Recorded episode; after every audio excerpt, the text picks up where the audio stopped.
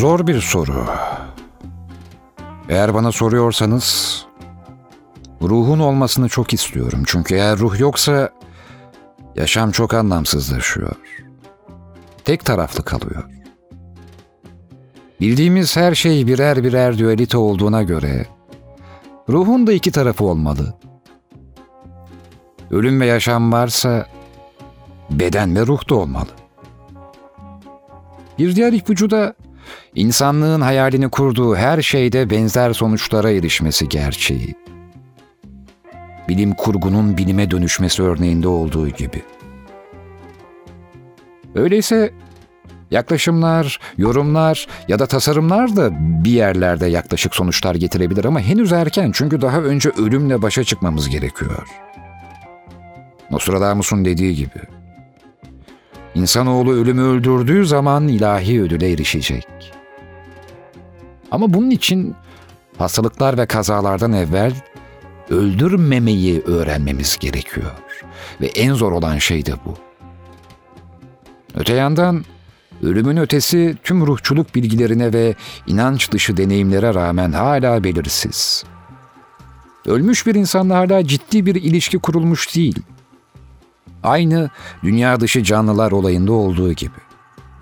Ve çok daha önemlisi, Bedri Ruhselman gibi yaşamlarını bu konuya adayan sayısız araştırmacının öldükten sonra neden bize ulaşamadıklarının cevabını veremiyor olmamız. Sonuç olarak ben yine de tüm gizemin çözülmüş olacağı çok uzak bir geleceği düşünüyorum. Türlü türlü iddiaların tek tek ele alındığı bir çalışma gerekiyor aslında. Ruhumuzu ne yaparsak yapalım dingin tutamayız çünkü. Dingin bir dünyada yaşamıyoruz ki. Evrene istediğimiz kadar mesaj gönderelim. Hiçbir şey olmayacak. Hiçbir şey değişmeyecektir. Çünkü biz sandığımız yani tanımladığımız gibi bir evrende değiliz ki. Biz öyle zannediyoruz. Kendimizi insan zannettiğimiz gibi. Bu tanımları biz koyduk. Oradan birileri veya bir bilinç gelip bize böyle olduğunu hala söylemedi. Her şeyimiz zanlarımızdan ibaret ve evren sandığımız şeyin bizden haberi yok. Zaten gerekmiyor da. Herkes bilmeli ki bizler asla evrensel veya ilahi bir ilgiye henüz layık olamadık ve bu gidişle de olamayacağız. Eğer bir ülkenin insanları sersemce nedenlerle başka bir ülkenin insanlarını kadın çocuk ayırmaksızın öldürüyorsa, diğer bir tarafta ellerinde en güçlü silahlarla kendi ırktaşlarını, dindaşlarını yok edebiliyor, beyin diye taşıdıkları şeyin içine sadece kadınlara yönelik seksüel güdülerden başka bir duygu sokamıyorsa ve daha niceleri yaşanıyorsa ve ötekiler de kendi çıkarları doğrultusunda olanları seyrediyorlarsa, hiç kimse evrensel veya ilahi bir beklentiye girmemelidir. Biz bunu hak etmedik ve hak etmiyoruz. Ötesi laf salatasından başka bir şey değildir. Eğer Ferrari'leri bırakacaksak bunu bireysel bir deneyim olarak değil, global anlamda yapmalıyız ama bana sorarsanız hiçbir işe yaramaz. Bırakın Ferrari'yi, bana Mercedes'ini veya Jeep'ini bırakmış bir isim söyleyebilir misiniz? Var mı bir tanıdığınız? Ya da neden Ferrari'leri daha çoğaltalım ki?'' O zaman Ferrari'nin ne anlamı kalır ki? Zaten bence Ferrari'nin satılması kitabının ardında Ferrari markasını aramak gerek. Kısacası bu tür şeyleri yani Ferrari'ler, Secret'lar, alınıp satılan Reiki'ler, insanın düşünme yetisini küçümseyen NLP şarlatanlıkları, beden eğitimine benzetilen yogalar, günümüzün ruhsal süpermarketinin raflarına konulan ürünlerden başka bir şey değildirler. Tümü sömürüdür ve yarar sağlamaktadır. Ve gelecek kaostur. Ama bu kaos gerçek insanların yaşayacağı altın çağ öncesinde yaşanacak olan kaostur ve gereklidir. Evet bu Ataniru'nun bir röportajından alıntıydı kendisine yöneltilen sorulara verdiği yanıtlar, düşünceleri, yorumlarıydı. Hatta arada Bedri Ruhselman'ın da adı geçiyor. Benim de lise yıllarında araştırdığım, okuduğum, dönemin şartlarında fasiküllerden takip etmeye çalıştığım araştırmacı yazarlardan bir tanesi. Bu e, röportajı benim çok hoşuma gitmişti. Ben de sizlerle paylaşayım dedim. Biraz reikilere belki gönderme var. Yogaya işte ne bileyim e, Ferrari'sini satan bilge kitabını okuyanlara, kişisel gelişim kitaplarına e, beyefendinin kendi düşünceleridir. Ama ben de biraz kendime yakın bulmasam bilirsiniz ki okumazdım, anlatmazdım. Öyle bir şey işte. Zaten tevazu da göstermiş aslında. Yani bırakın Ferrari'yi, Mercedes'ini, Jeep'ini satan var mı? Değil. Yani marka ismi söylemeyelim ya da kuş isimlerinden gidelim. Yani Doğan'ın Şahin'ini e, satan var mı? Neyse bilgelik zaten bir filmde geçiyordu geçen. E, eğer Ferrari, Ferrari'sini satan bilge ya zaten bilgi olsa satmaz. Hibe eder yani parasız verir. Hayrına verir ne bileyim. Neyse işte bu işler hep böyle e, tanımlamalarla bir yere kadar insanları yüce gösteriyor, ulvi gösteriyor. Bir yerden sonra bazı insanlar bazı şeyleri daha iyi anlıyor. Öyleyse biz de Ata Niru'nun sözüyle şarkımıza geçelim. Gelecek kaostur.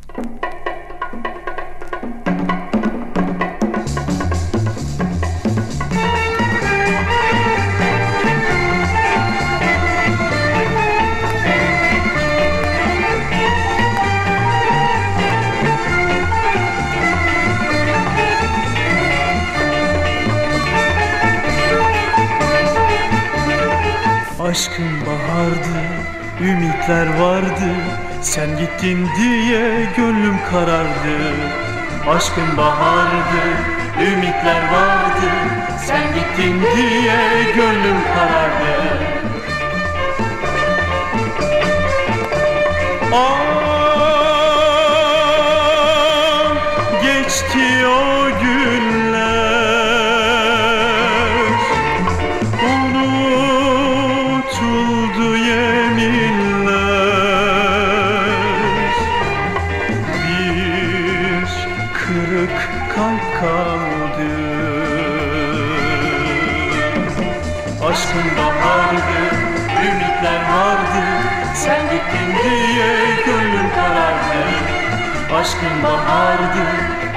ümitler vardı Sen gittin diye gönlüm karardı.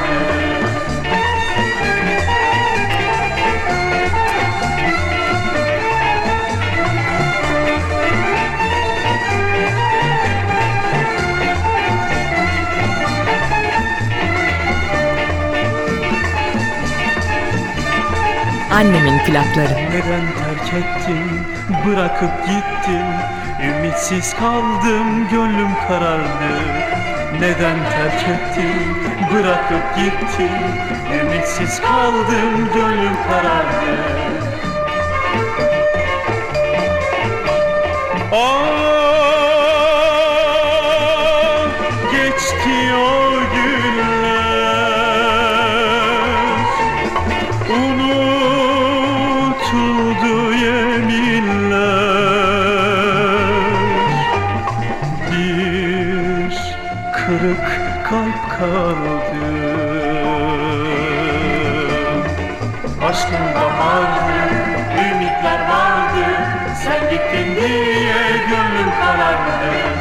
Aşkın bahardı, ümitler vardı Sen gittin diye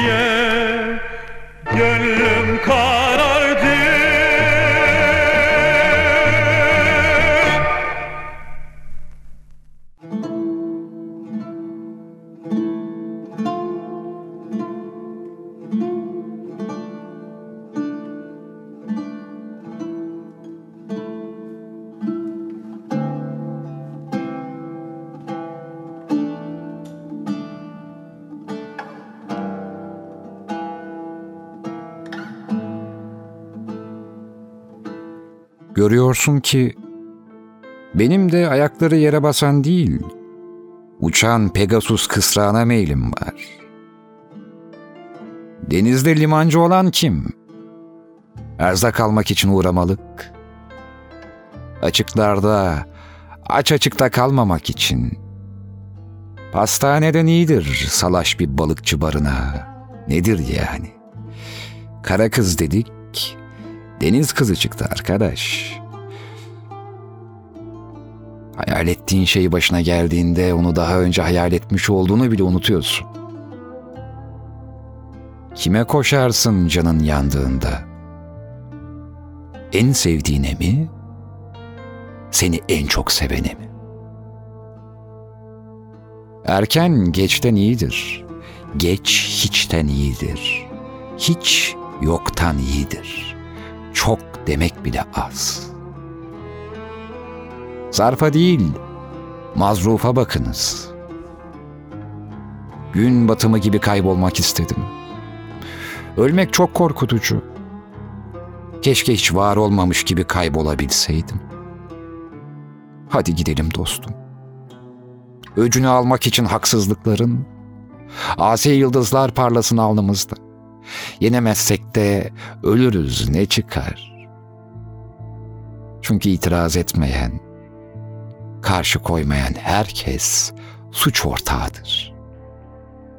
Yüksek dost sanat alıp, aşık ölüp, sarhoş doğalım.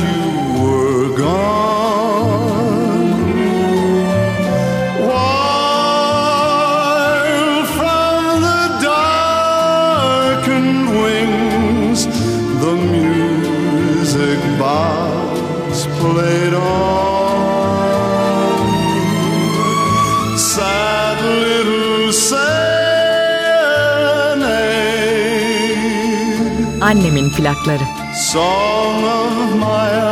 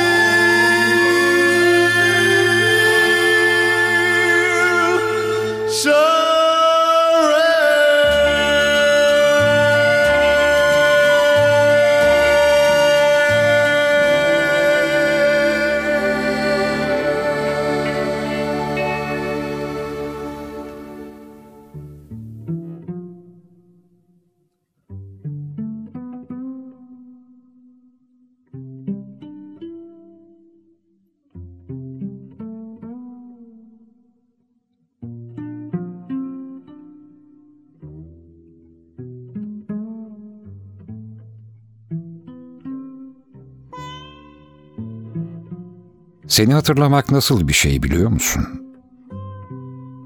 Morarmış bir yerin üzerine bastırmak gibi. Hani durduğu yerde acımaz da üzerine basınca "Aa, acıyormuş dersin. Yaralar başka konu. Ki en çok dile dolanan da o. Ama o moraran yeriniz daha başka sanki. Bir yere hafif çarpsanız bile etiniz morarabilir. Hatta neye çarptığınızın bile farkında değilsinizdir. Morarmış yerinize görünce anlarsınız bir yere vurduğunuzu. Acıdığından değil. Ve çoğu zaman da hatırlayamazsınız. Durduk yere acımaz moraran yer. Elinizle bastırırsanız of of of of dersiniz. Üstelik bu tatlı bir acıdır. Ya da bilmiyorum işte. Öyle bağırtacak kadar bir acı değildir diyelim. İşin tuhaf yanı acıyıp acımadığını anlamak için bunu yapmak çok saçma değil mi? Sürekli benzetme yapmak değil maksadım. Betimlemelerden ibaret edebiyat yapayım değil yani ama işte bazen bir şey her şeye benziyor, her şey ise hiçbir şeye benzemiyor.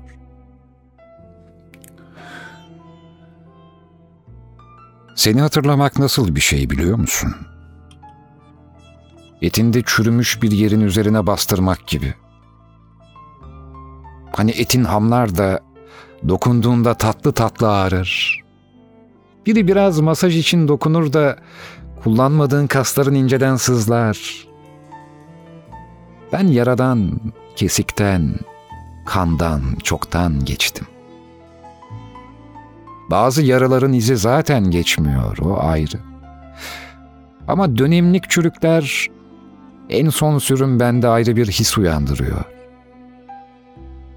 Yaralarım seni hep aynı hatırlatıyor.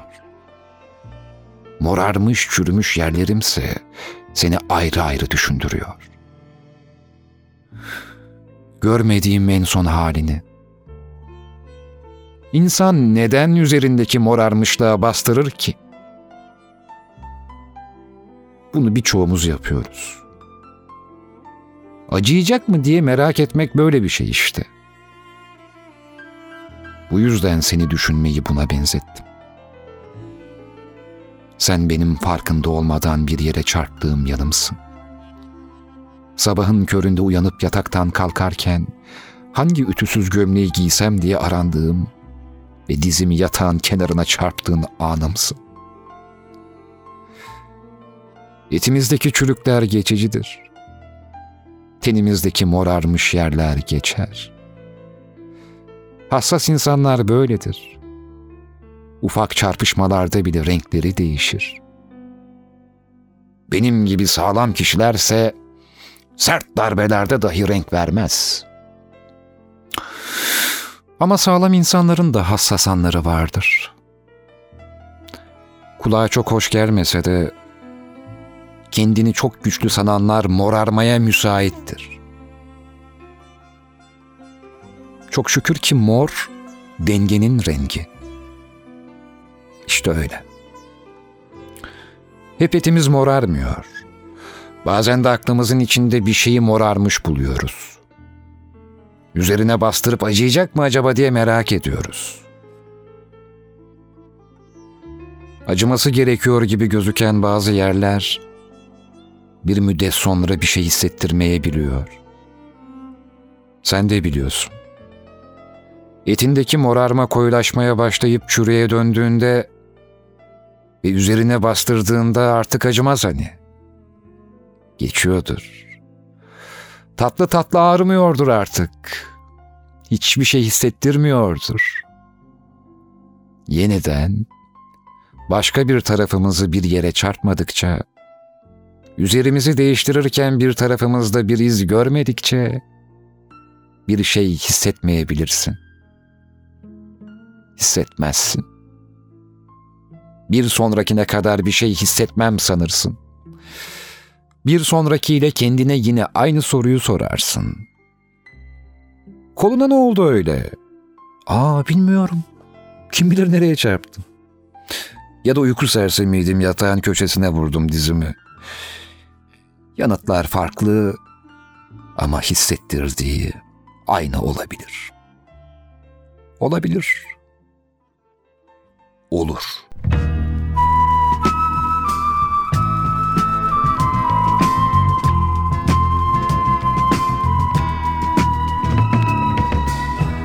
Aşkın şarabından bilmeden içtim yolundan Bilmeden geçtim. Aşkın bir alevmiş yar ya Bir ateş parçası.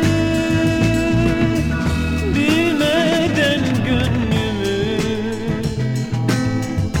Ateşe verdim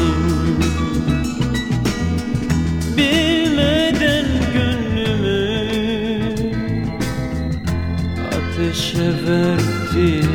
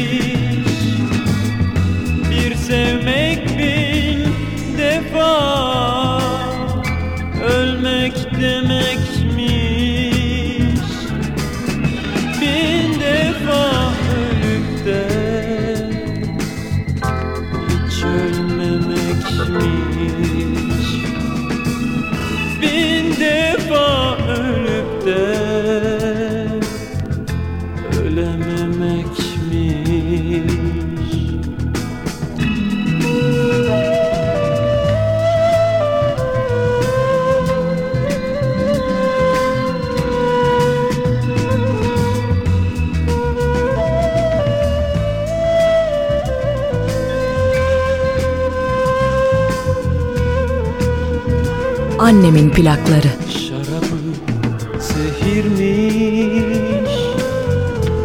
İçtikçe öldüm. Yolu hep uçurum. Düştükçe öldüm. Aşkın bir alevmiş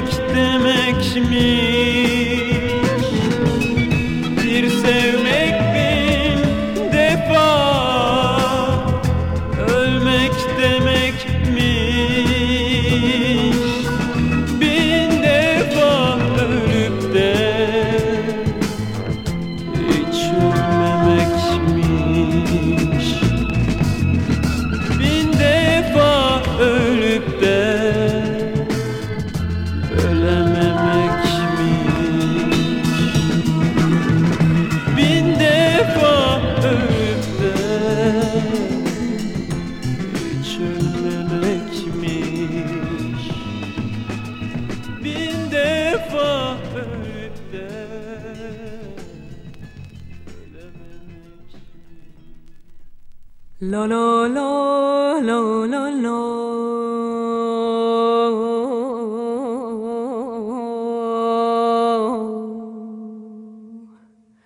No, no, no, no.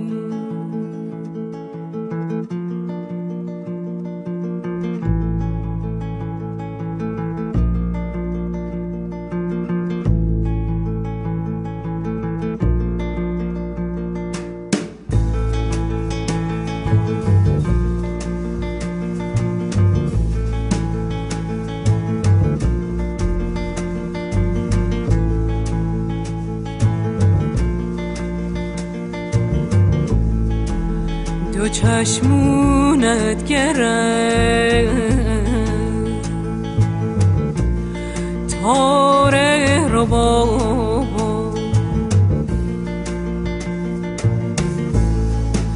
چه می‌خواهی از این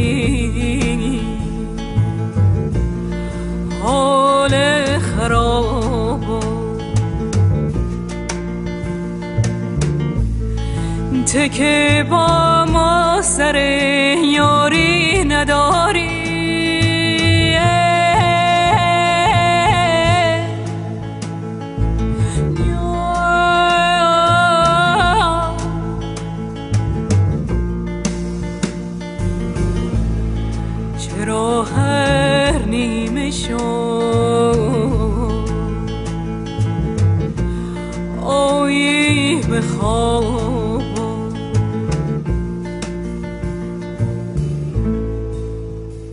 Çıngıraklı yılanın bilge bir sürüngen olduğu söylenir. Çayır köpeğine ve dişisine toprağın altında sıcak bir yuva yapmaları için izin verir. Ve yılanın niyetinden bir haber olan sakinlerine çaktırmadan orayı ele geçirir. Çayır köpeklerinin yavruları olduğunda yavruları teker teker yutar ama arkasında en ufak bir iz bırakmaz. Bu yüzden de ebeveynler onların karşısında her zaman iyi davranışları sergileyen bu tehlikeli arkadaşlarından hiçbir zaman şüphelenmezler. Ve sonra hiç yavru kalmadığı zaman ebeveynleri de yer. Etrafta en çok dolaşan hikaye onlarınki. Ama bu sadece çıngıraklı yılanın çayır köpeklerini anlattığı bir hikaye. Tarihe bir de çıngıraklı yılanların değil, çayır köpeklerinin gözünden bakmak lazım. Bırak ruhundan fazlalıklarını. Aç üzerine kapatılmış kapılarını. Ne yol, ne zaman engeldir bizi. Selam olsun aşka yürüyenlere. Ezelden beri birbirine ait olanlar elbet bir gün buluşacaklar. Ne güzel der bilge. Tüm doğru ve yanlış, günah ve sevapların ötesinde bir yer var. Seni orada bekliyorum. Ve ben şimdi sessizliği dinliyorum.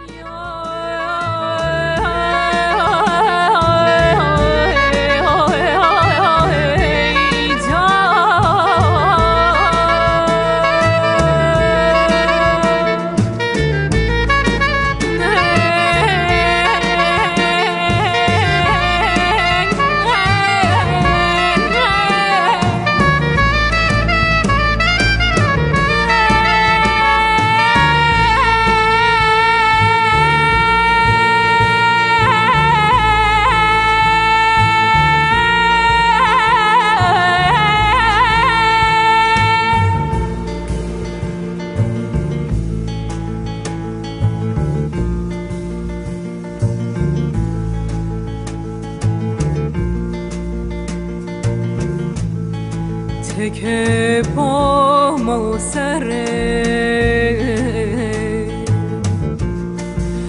یاری نداری. چرا هر نیمه شد به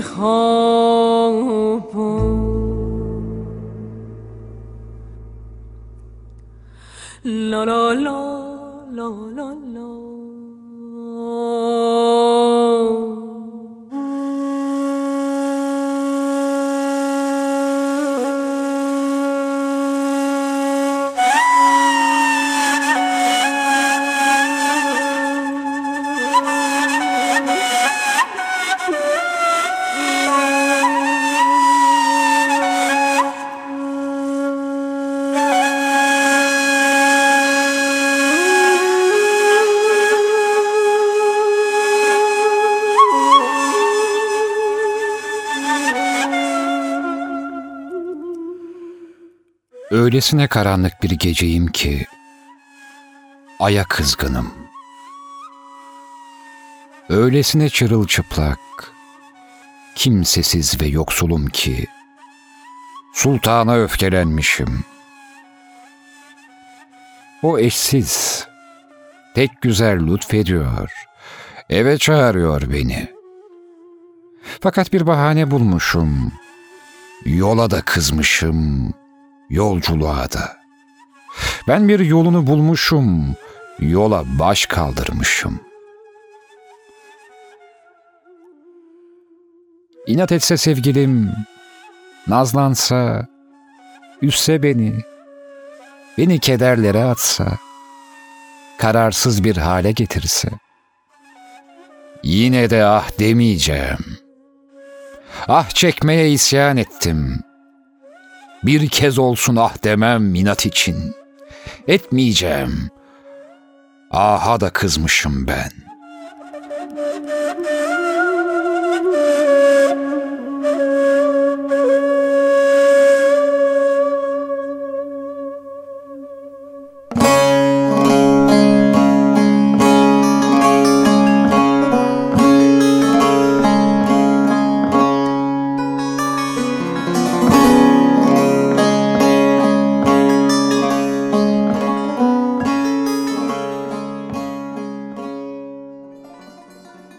Gah altınla aldatır beni.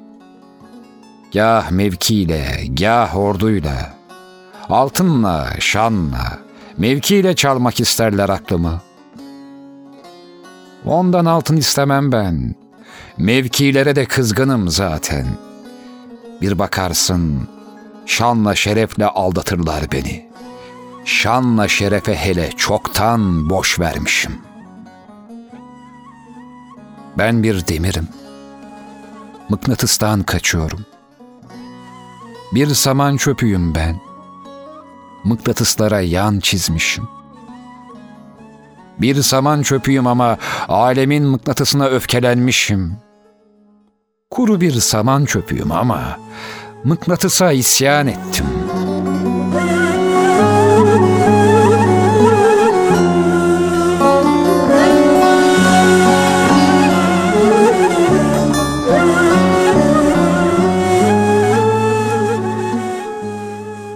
Öyle bir zerreyiz ki dört unsura da öfkeliyiz. Beş duyguya da, altı cihete de. Zaten beş, altı dediğin nedir ki? Tek olana bile kızgınım ben. Ben öyle bir zerreyim ki bütün aleme isyan etmişim. Havaya, toprağa isyan etmişim. Ateşe, suya isyan etmişim. Altı yöne isyan etmişim. Beş duyuya isyan etmişim. Bu söze dayanamazsın sen. Çünkü suyun dışındasın.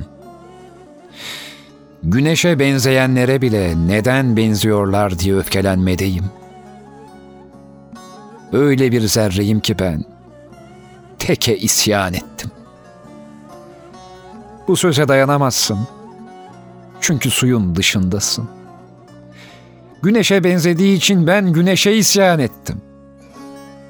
Hava, toprak, ateş, su da neymiş ki? Altı yönde neymiş? Beş duyu da ne? Benim için hiçbir şey umrumda değil.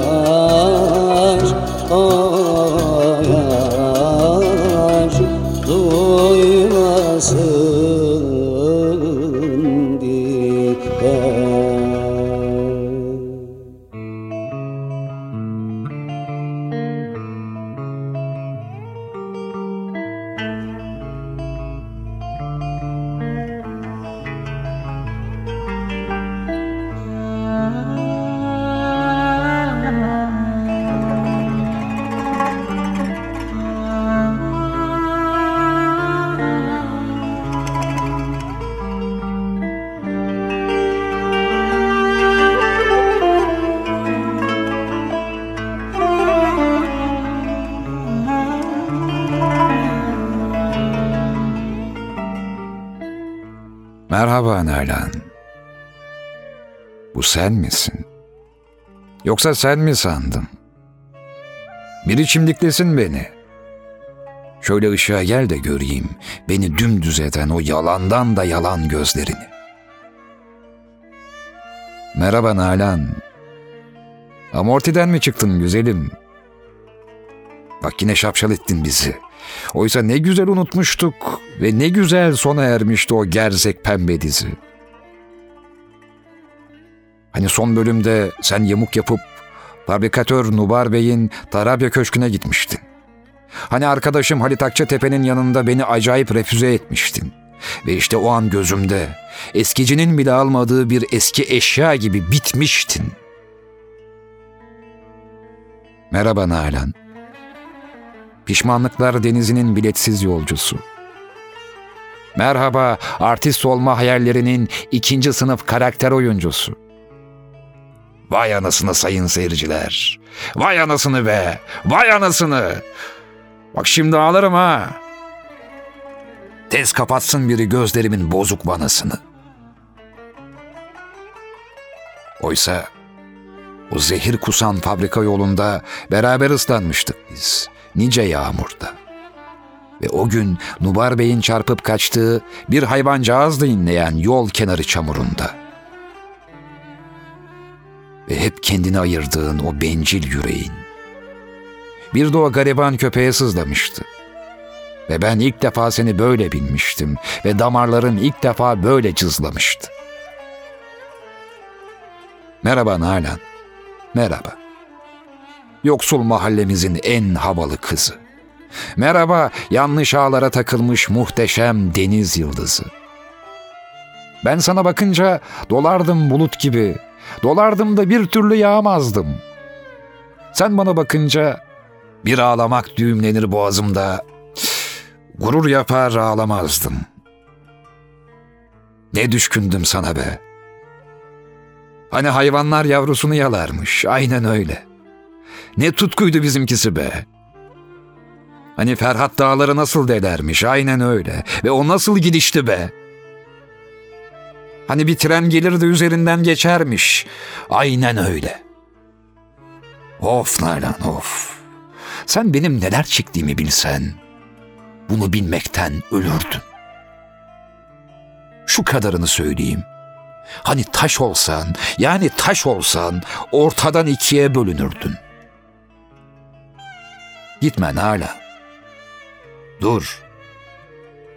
Tekrar gitme ne olur. Aldırış etme saçma sapan sözlerime. Yo, hayır. Alamıyorum. Galiba cigaranın dumanı kaçtı gözlerime. Belki de sen haklıydın. Bu mahallede ne bahtın açılır ne de boyun uzardı. Üstelik annen ölmüştü. Ve sokağınız acını kaldırmayacak kadar dardı. Terso gidiyordu her şey. Millet işi gücü bırakmış, aklını bize takıyordu. Altımızda çul yoktu, üstümüzde dam akıyordu. Arap kızı camdan bakıyordu. Sen gittikten sonra ben... Hiç sorma. El attığım her işi çok gecikmedi batırdım. Çünkü seni unutmanın tek yoluydu. Bütün kazancımı şaraba yatırdım. Ama gelinliğin duruyor. Baba yadigarı cumbalı evi de satmadım. Yalanım varsa kalkmayayım şuradan. Ben seni bir tek gün, bir tek gün bile unutmadım. Merhaba Nalan. Merhaba üzgün melek. Merhaba kadersizim, talihsizim. Merhaba titreyen elim, sancıyan belim. Ağrıyan dizim, vazgeçilmezim. Ama Necdet Tosun öldü Nalan. Artık yemekleri sen, salatayı da ben yapacağım. Sami Hazin ses kadar olmasa da bahçeyi sevdiğin çiçeklerle donatacağım. Kemal Sunal da öldü Nalan. İyi kalpli amcaları birer birer uğurladık. Ve dünya kirlendi. Filmler bozuldu. O masum sevdalar yaşanmıyor artık. Sen varsın, ben varım. Bir de acımasız bir dünya var dışarıda. Esas film şimdi başlıyor ve bütün koltuklar bomboş bu sinemada. Merhaba Nalan, merhaba. Sen ortada sıçan, ben şaşkın körebe. Ulan seviyorum seni be. Ulan nereden inceldiyse oradan kopsun be.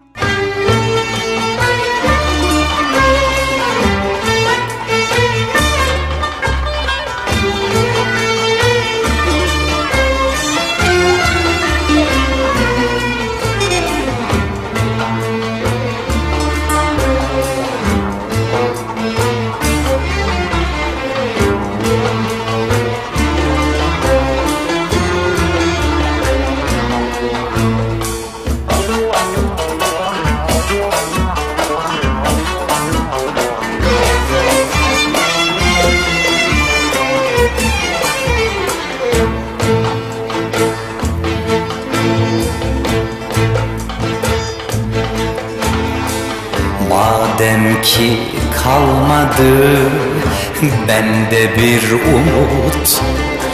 Bu elden gideyim sen beni unut.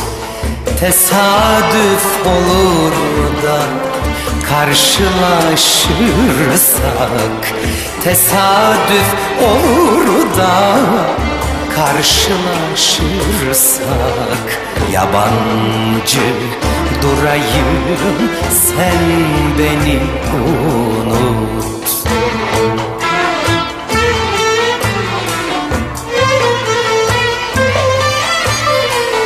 Kalbine aşkından köz bırakmadan Ardından denecek söz bırakmadan Maziden bir parça iz bırakmadan Ben toprak olayım. Sen beni unut Sen beni unut sen beni unut Maziden bir parça. İz bırakmadan Ben toprak olayım. Sen beni unut. Ben toprak olayım. Sen beni unut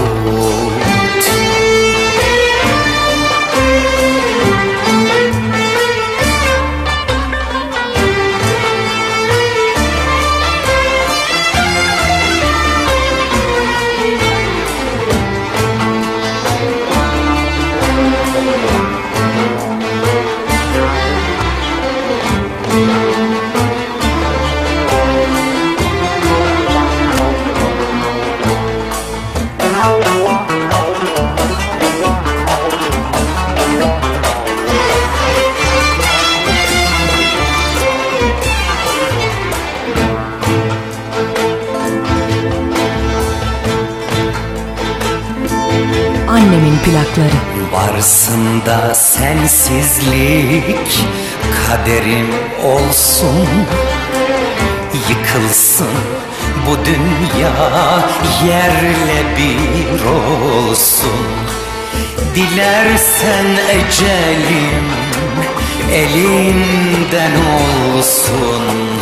Dilersen ecelim elinden olsun.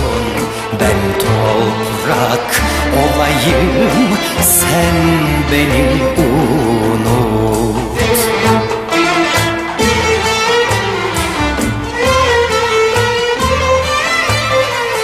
Kalbine aşkımdan göz bırakmadan Ardından denecek söz bırakmadan Maziden bir parça iz bırakmadan Ben toprak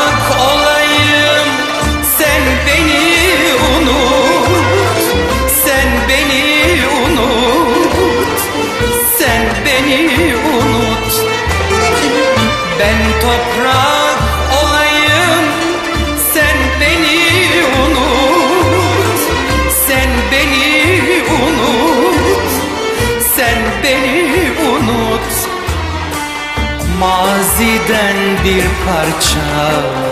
İz bırakmadan Ben toprak olayım.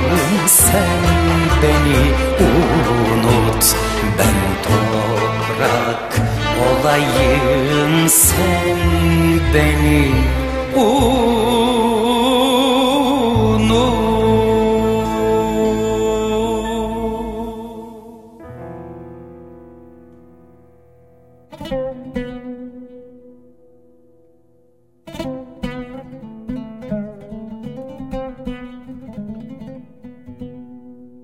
Eflatun bu badeden sarhoş olduğunda derdi dermandan ayırt edemez. Ruh sarhoşluk ve harap olmaktan hiçbir övgüden ayıramaz. Kalk ve bir makam çal, gönül çalanın vuslatı anısına.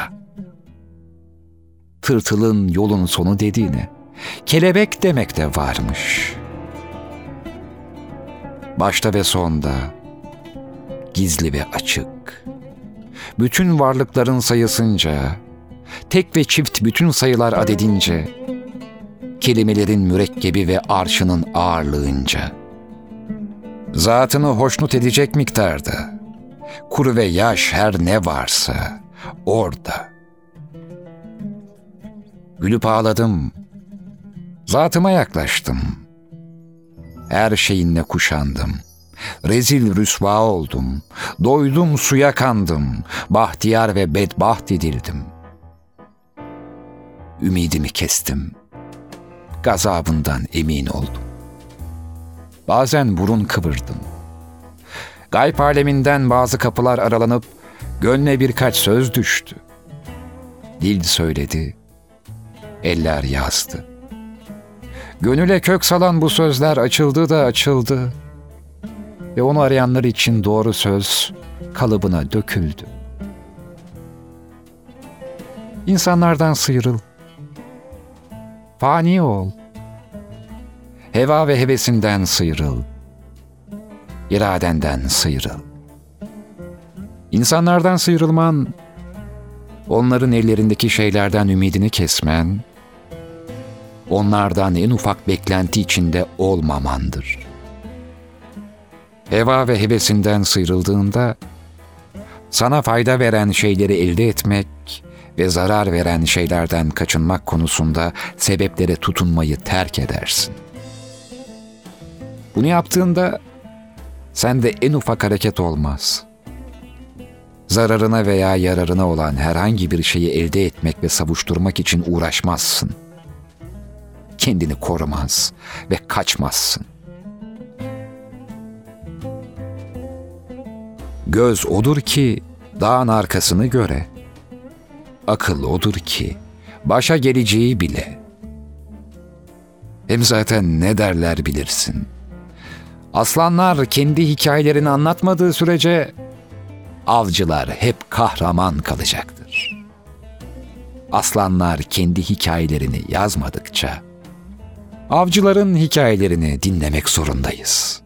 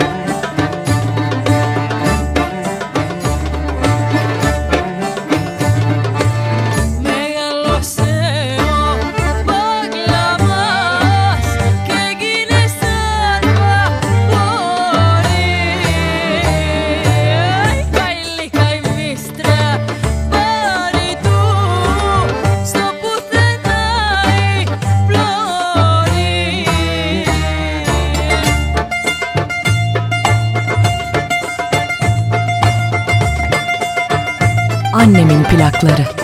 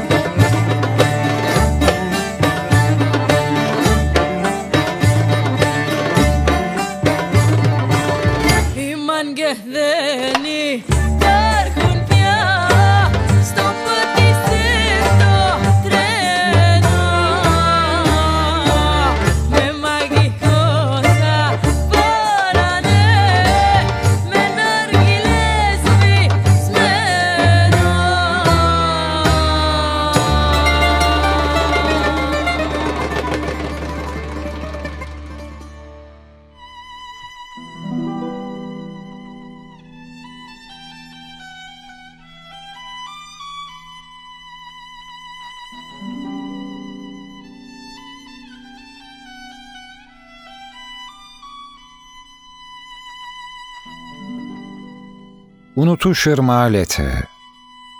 Yeryüzündeki tüm suların ondan gelip ona döndüğü söylenen bir unutuş nehri ve bu nehrin tam ortasından aktığı bir unutuş şehri varmış bundan çok zaman önce. Tüm su parçaları ondan ayrıldıktan sonra ona dayanılmaz bir özlem duyarmış. Ayrıldıklarında kendilerini hatırlar, onunla birleştiklerinde ise onu da kendilerini unuturlarmış.'' İnsanların içinde bilgi olanlar hep şunu sorarlarmış. Bunlar neden kendilerini hatırlamak için değil de kendilerini unutmak istiyorlar? Neden ona özlem duyuyorlar? Nehre insanlar da girerlermiş bazen ve bambaşka insanlar olarak çıkarlarmış. Söylendiğine göre nehir herkesi kabul etmez, kabul etmediklerini kendisinde boğarmış.'' Bilge insanlar yine sormuşlar. Nehir neden bazılarımızı boğuyor da bazılarımıza ölümlüyken ölümsüzlüğü armağan ediyor? Ölümlüyken ölümsüz olmaktan kastedilen insanların nehre her girişlerinde geçmişte yaşadığı acıları unutmaları ve yalnızca güzellikleri hatırlamalarıymış. Nehir bunlarla da kalmıyor.'' insanların istediği kaderi onlara bağışlıyormuş. Ama gelin görün ki insanların yapması gereken bir seçim varmış. O da nehre ne zaman girmeleri gerektiği üzerineymiş. Herkesin bir hakkı varmış. Ayrıca nehre girecek olan boğulma riskiyle de karşı karşıyaymış. İnsanlar nehre girecekleri zaman boğulmaktan korkmadıkları zamanı seçmelilermiş.'' Böylece en yüce güzellikler ve sonsuz hayat onlara bahşedilirmiş.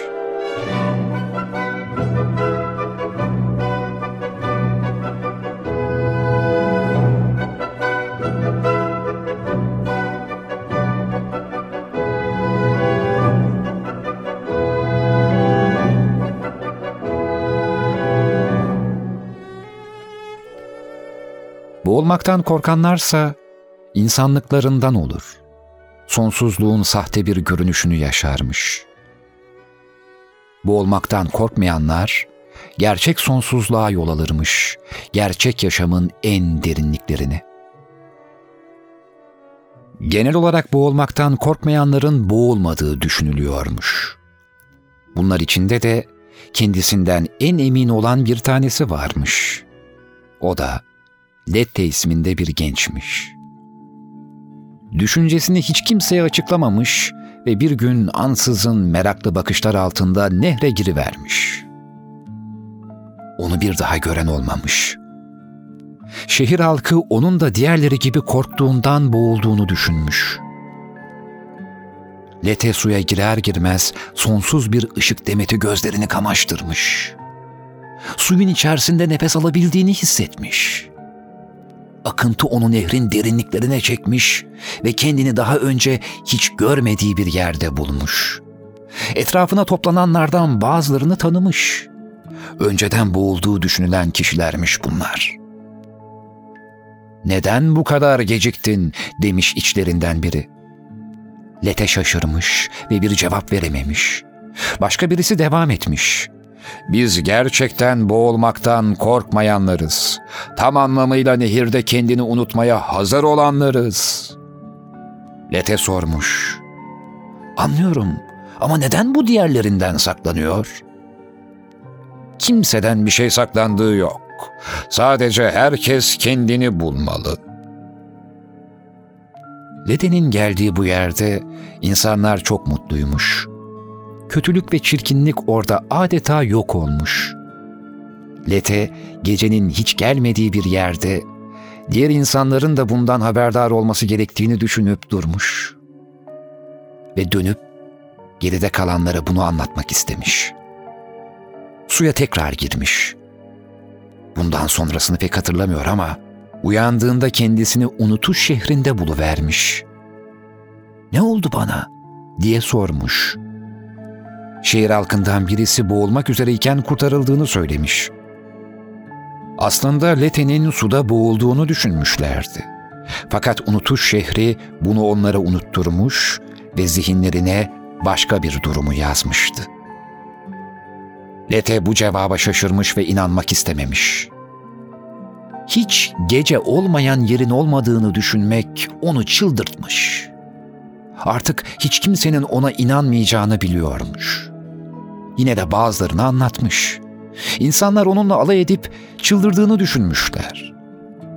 Şehir halkı onu bir yere kapatmış. Oradan ölünceye kadar çıkartılmamış. O şehirde olup da ölen tek kişiymiş Lete.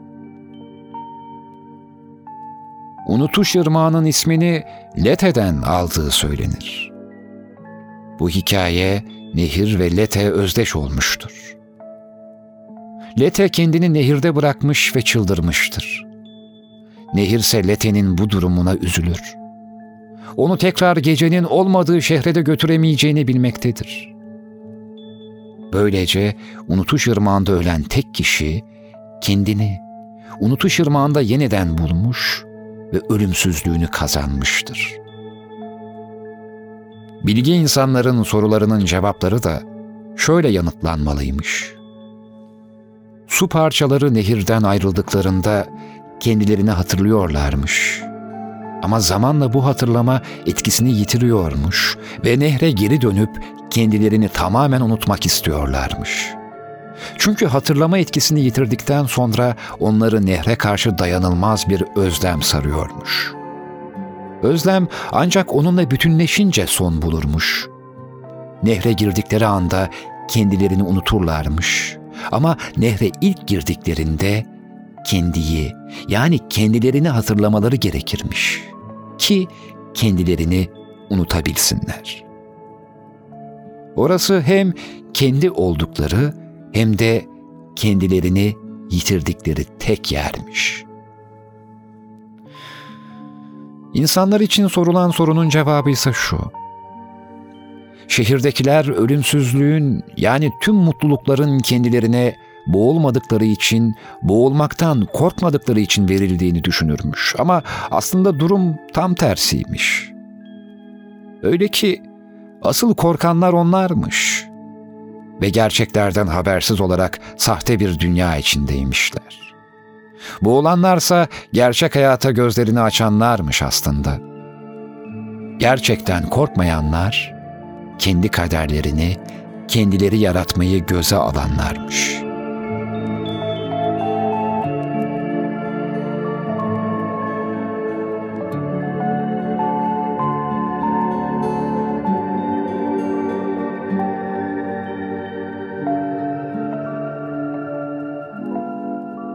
Ama en önemli noktayı unutmak bu sırları anlatana hiç yakışmaz. O da şuymuş. Gecenin hiç olmadığı yerde kendi kaderlerini kendileri yaratmayı seçenler yaşarmış ve onlar gerçekten de ölürmüş. Çünkü sonsuzluk sonluluk olmadan yaşanmazmış. Lete nehrinin kenarında yaşayanlarsa kendilerini aslında olmayan kadere bıraktıkları için gerçek hayata hiç yaklaşamayanlarmış. Onlar sonsuzluğu sonlu olmadan yaşamak isteyenlermiş ve korkmadıklarını söyledikleri halde kendilerinden en çok korkanlarmış. Günümüz diliyle anlatacak olursak, kişiye en çok acı veren şeye lete denir ve herkesin hayatında bir lete mutlaka vardır. Hasret bil Seni çok özlediğimi